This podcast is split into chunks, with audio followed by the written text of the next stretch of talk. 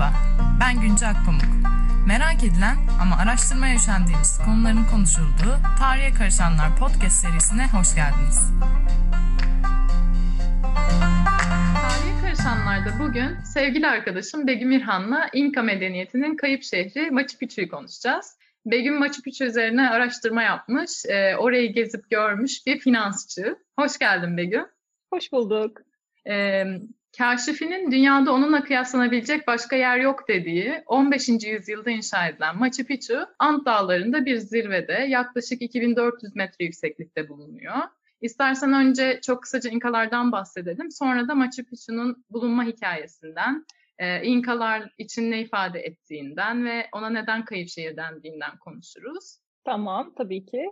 Evet, İnka İmparatorluğu Kolomb öncesi Amerika'nın en büyük medeniyetiydi. Ee, bölgede binlerce yıldır yaşam vardı ama İnkalar 12. yüzyıldan itibaren ortaya çıkıp özellikle 14-16. yüzyıllar arasında yüzden fazla etnik gruptan milyonlarca kişinin yaşadığı bir ülke haline geliyor. Bugünün Kolombiya, Ekvador, Peru, Bolivya, Şili ve Arjantin'in bir kısmı da onun topraklarının içindeydi. Ee, İnkalar bu geniş topraklara dağılan halk ustaca yaptıkları yollarla birbirine bağlamışlardı ve e, ileri tarım teknikleri geliştirmişlerdi. Ama tabii bu kadar güçlü olunca taht kavgaları, iç savaşlar baş gösteriyor. 1500'lerin başından itibaren İspanyolların Meksika'daki Azteklere karşı başarı kazanıp Amerika'nın güneyine yönelmesi aslında onları kaçınılmaz sona yaklaştırıyor. İspanyollar o sırada Amerika'nın iki tarafında da yerleşimler kurmaya başlıyor. Ee, mesela 1515'te güneydeki ilk kalıcı yerleşimi Venezuela'da kuruyorlar. Ee, tabii İspanyol bayrağı altında farklı milletlerden insanlar da var. Zamanla da İnkaların yönetimi altındaki bölgeler de peyderpey İspanyollar tarafından ele geçiriliyor. İnka yöneticileri hapsediliyor, kukla gibi kullanılıyor ve tabii altın bakımından çok zengin İnkalar ve İspanyollar da bunun farkında ee, ve bu kaynakları da ele geçiriyor tabii İspanyollar. Aynı zamanda çiçek hastalığı yayılıyor bu dönemde ve İspanyolların işgalini aslında kolaylaştırıyor. Ee, sonraki yüzyıllarda başkaldırı ve direnişler olsa da e, İspanyollara karşı bunlar bastırılıyor.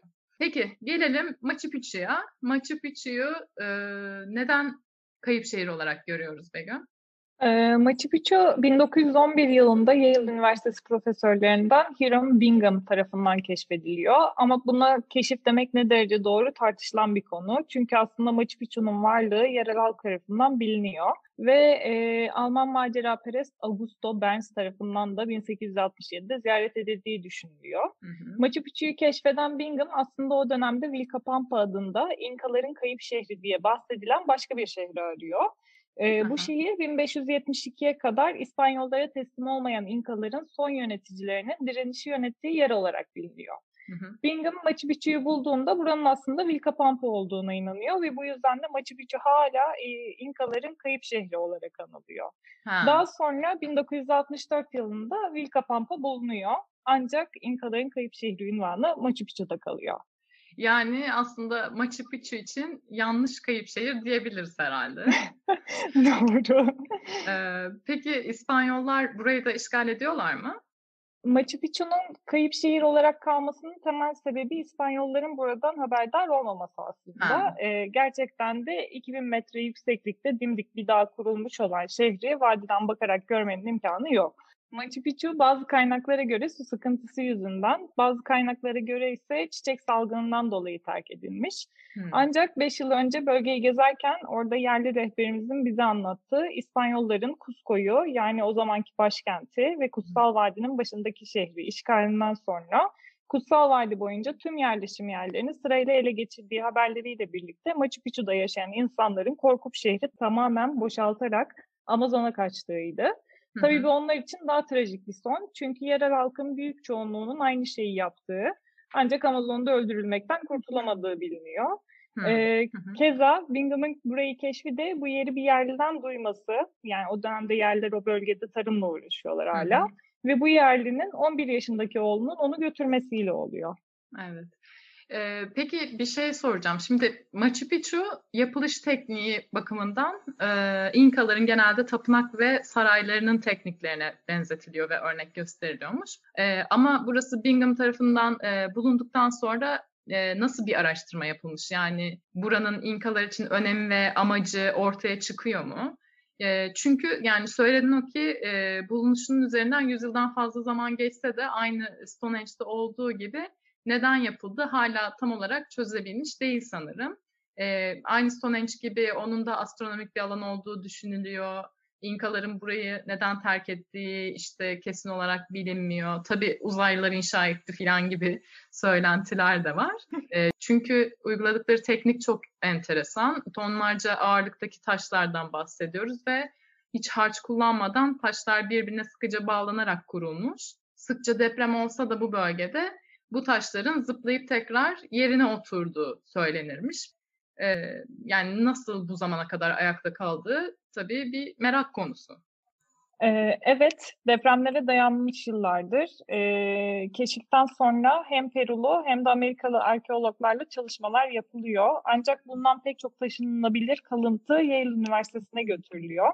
Yıllar süren pazarlıkların ardından Yale'ın tüm eserleri iade etmesi 2012'de tamamlanıyor. Yani Bayağı neredeyse geç. 100 yıl sonra evet. evet eserleri iade ediliyor.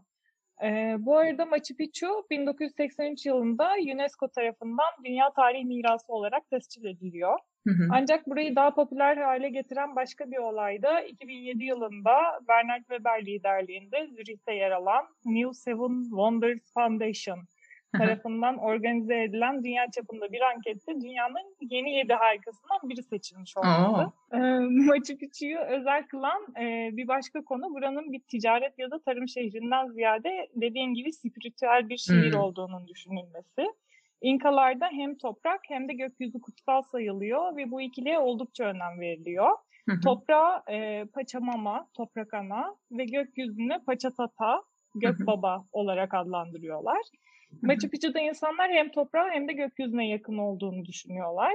Machu Picchu'da bulunan iskeletlerin de hem kadın hem erkeklere ait olduğu tespit ediliyor.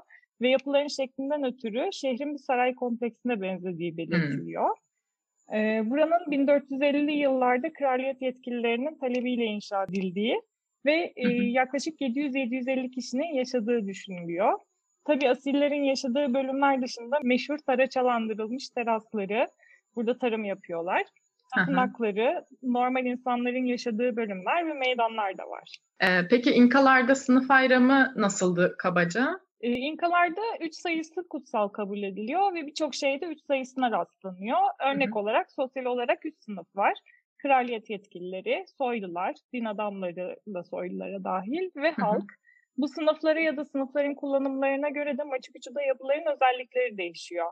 Mesela kraliyete ait binalarda kullanılan taşlar daha büyük, daha düzgün şekilliyken bu özen din adamlarına ve halka doğru azalıyor. Evet. Peki İnkaların dini inanışlarına dair neler biliyoruz? Ee, aslında İnkaların dini güneş dini olarak geçiyor. Machu Picchu'da yer alan önemli yapılardan biri de güneş tapınağı. Bu tapınağın iki adet yamuk şeklinde penceresi var ve birine 21 Haziran gün dönümünde güneş düşerken diğeri aynı anda tam ters tarafta bazı takım yıldızlarına denk geliyor gibi hmm. özenle düşünülmüş astronomik ögeler de var. Çok Stonehenge'e ee, yapının, benziyor hakikaten. E, bu yapının zemininde iki adet yuvarlak koyulmuş böyle birkaç parmak derinliğine sahip taş bloklar var. Hı hı. tabii gökyüzünün inanışlarında önemli bir yer tutmasıyla astronomiyle de oldukça ilgililer. E, ve bu derinliği az, çanak gibi yapılara su doldurarak gökyüzünün suya yansımasıyla yıldızların hareketini izliyorlar. Machu Picchu'da yine gökyüzünün gözlemlendiği düşünülen kule denilebilecek yüksek bir yapı da var. Güneş tanrılarının adı Inti ve Machu Picchu'daki en özel yapılardan biri de Intihuatana taşı. Bu Hı. aslında biraz güneş saatine benzeyen düz bir taş blok ve üzerinde gölge yaratan bir çıkıntı var. E, bu taşlar kış gün dönümünde direkt olarak güneşi işaret ediyor. E, ekinokslarda öğlen saatlerinde sıfır gölge, 21 Aralık'ta e, en kısa, 21 Haziran'da en uzun gölgeler görülüyor. E, hatırlatmak lazım ki kış gün dönümü Güney Yarımküre'de en uzun günlere denk geliyor. E, Machu Picchu'da, Peru'da Güney Yarımküre'de yer alıyor. Hı hı. Bu taşlar İspanyolların işgali sırasında İspanyollar İnka inanışlarına dine bir küfür gibi gördükleri ve bu taşların dinsel açıdan önemini bildikleri için özellikle yok edildiğinden Machu Picchu'daki hmm. günümüzde kalan nadir örneklerden biri oluyor. İnkaların medeniyetinin olduğu diğer yerdekiler yıkılıyor ama Machu Picchu kalıyor. Aynen bu taşları özellikle yok etmişler. Ee, hı hı. O yüzden Machu Picchu'daki bayağı böyle nadir bir örnek olarak kalmış burada. Hı. Bulamadıkları için şehri. Ee, ayrıca şehirde Inti Maçay adında bir mağara var. Ki bu mağaraya sadece kış gün döneminde birkaç gün ışık giriyor. Mağara festivallerde özellikle Güneş Festivali kullanılıyor. Hı E, spiritüel ayinler, düzenli olarak hayvan kurban etme. Bu küçük bizim bu, sevimli bulduğumuz ginepikler orada çok yaygın evet. ve onları bayağı kurban ediyorlar. Ya da lamalar. Ve hatta salgın hastalık ya da kuraklık gibi ciddi sıkıntılarla karşılaştıklarında insan kurban etme de var. Hmm. Kehanetlere inanma, halüsinojenlerle, tanrılarla konuşulduğuna inanma gibi mistik ögeler var. Hmm. İnka inanışındaki en temel ögelerden biri de evrenin ikiliği. E, bu ikiliğin birbirinden farklı olduğuna ve birbirini tamamladığına inanıyorlar aslında. Hmm. Gökyüzü, güneş, ay, yıldızlar, ışık gibi ögelerin olduğu yüksek alem ve toprak ana, işte İnkaların atalarının, kahramanlarının yani ölülerin olduğu alt alem. Hı İnsanların da bu ikilik arasında bir ara alemde o yer aldığına inanıyorlar. E, bu noktada üç sayısı yine kutsal demiştik. Burada bahsedilen her üç alemi de birer hayvanla sembolize ediyorlar.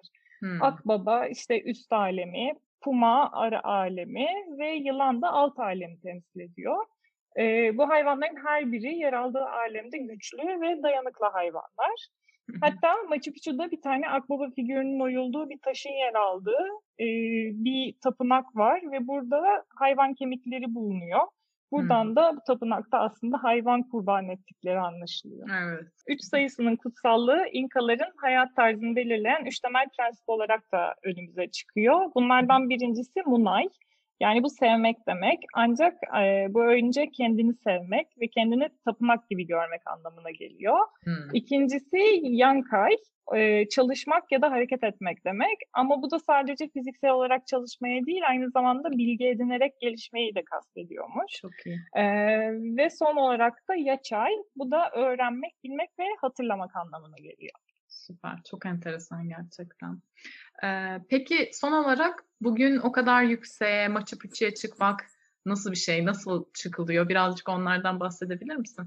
E, Machu Picchu Ant Dağları'nda bugün turizm açısından da oldukça önemli bir şehir olan Cusco'ya 80 kilometre mesafede yer alıyor. Cusco hı hı. ve Machu Picchu arasında Kutsal Vadi olarak adlandırılan Urubamba diye bir nehrin aktığı bir vadi uzanıyor ve vadi boyunca da yine İnkalardan kalma ufak yerleşim yerleri ve kalıntılar var. Hı hı. Machu Picchu vadide yer alan bir dağda yaklaşık işte 2000-2400 metre yükseklikte yer alıyor. Bu hı hı. oldukça yüksek görünse de aslında Cusco'nun rakımı 3400 metre. Of. Ve aynen adapte olması çok daha zor bir yükseklik. Evet. Ee, hem Machu Picchu'da hem bölgede koka bitkisi yetiştiriliyor. Ee, bitkinin ana vatanı Ant Dağları. Evet. Ee, bu bitki adından da anlaşıldığı gibi kokainin ham maddesi. Evet. Ee, yarım saat kadar koka yaprağı çiğnemek ya da her yerde ikram edilen kokacayı içmenin yükseklik kaynaklı işte baş dönmesi, mide bulantısı gibi etkileri azalttığı söyleniyor. Bence de Aa, azaltıyor. Çok enteresan. Evet. Siz de yapmış ee, mıydınız? Tabii, Evet bunu denedik. Zaten çaydan kaçış yok. Çay her yerde önümüze geliyor ve gerçekten e, güzel yani bildiğimiz yeşil çay gibi bir şey. E, işte koka sakızları, koka her kokalı her şey var öyle söyleyeyim. Tabii bu bitki bölgedeki sert iklim ve coğrafi koşullar sebebiyle İnkalar tarafından da yoğun olarak kullanılıyormuş. Machu Picchu gibi ücra ve ulaşması zor bir bölgede yaşayan insanlar şehre gidip gelenlere koka yaprağı vererek daha uzun süre açlık, susuzluk ve acı hissetmeden seyahat etmelerini sağlıyormuş. Çözümünü bulmuşlar yani o kadar yukarıda olmanın. evet, süper. Ee, çok teşekkür ederim Begüm'cüğüm bugün bize anlattıkların için. Ben çok teşekkür ederim. Ee, böyle güzel değişik bir yeri anlatma fırsatı verdiğin için çok çok teşekkür ederim. Çok sağ ol. Görüşmek üzere. Görüşürüz.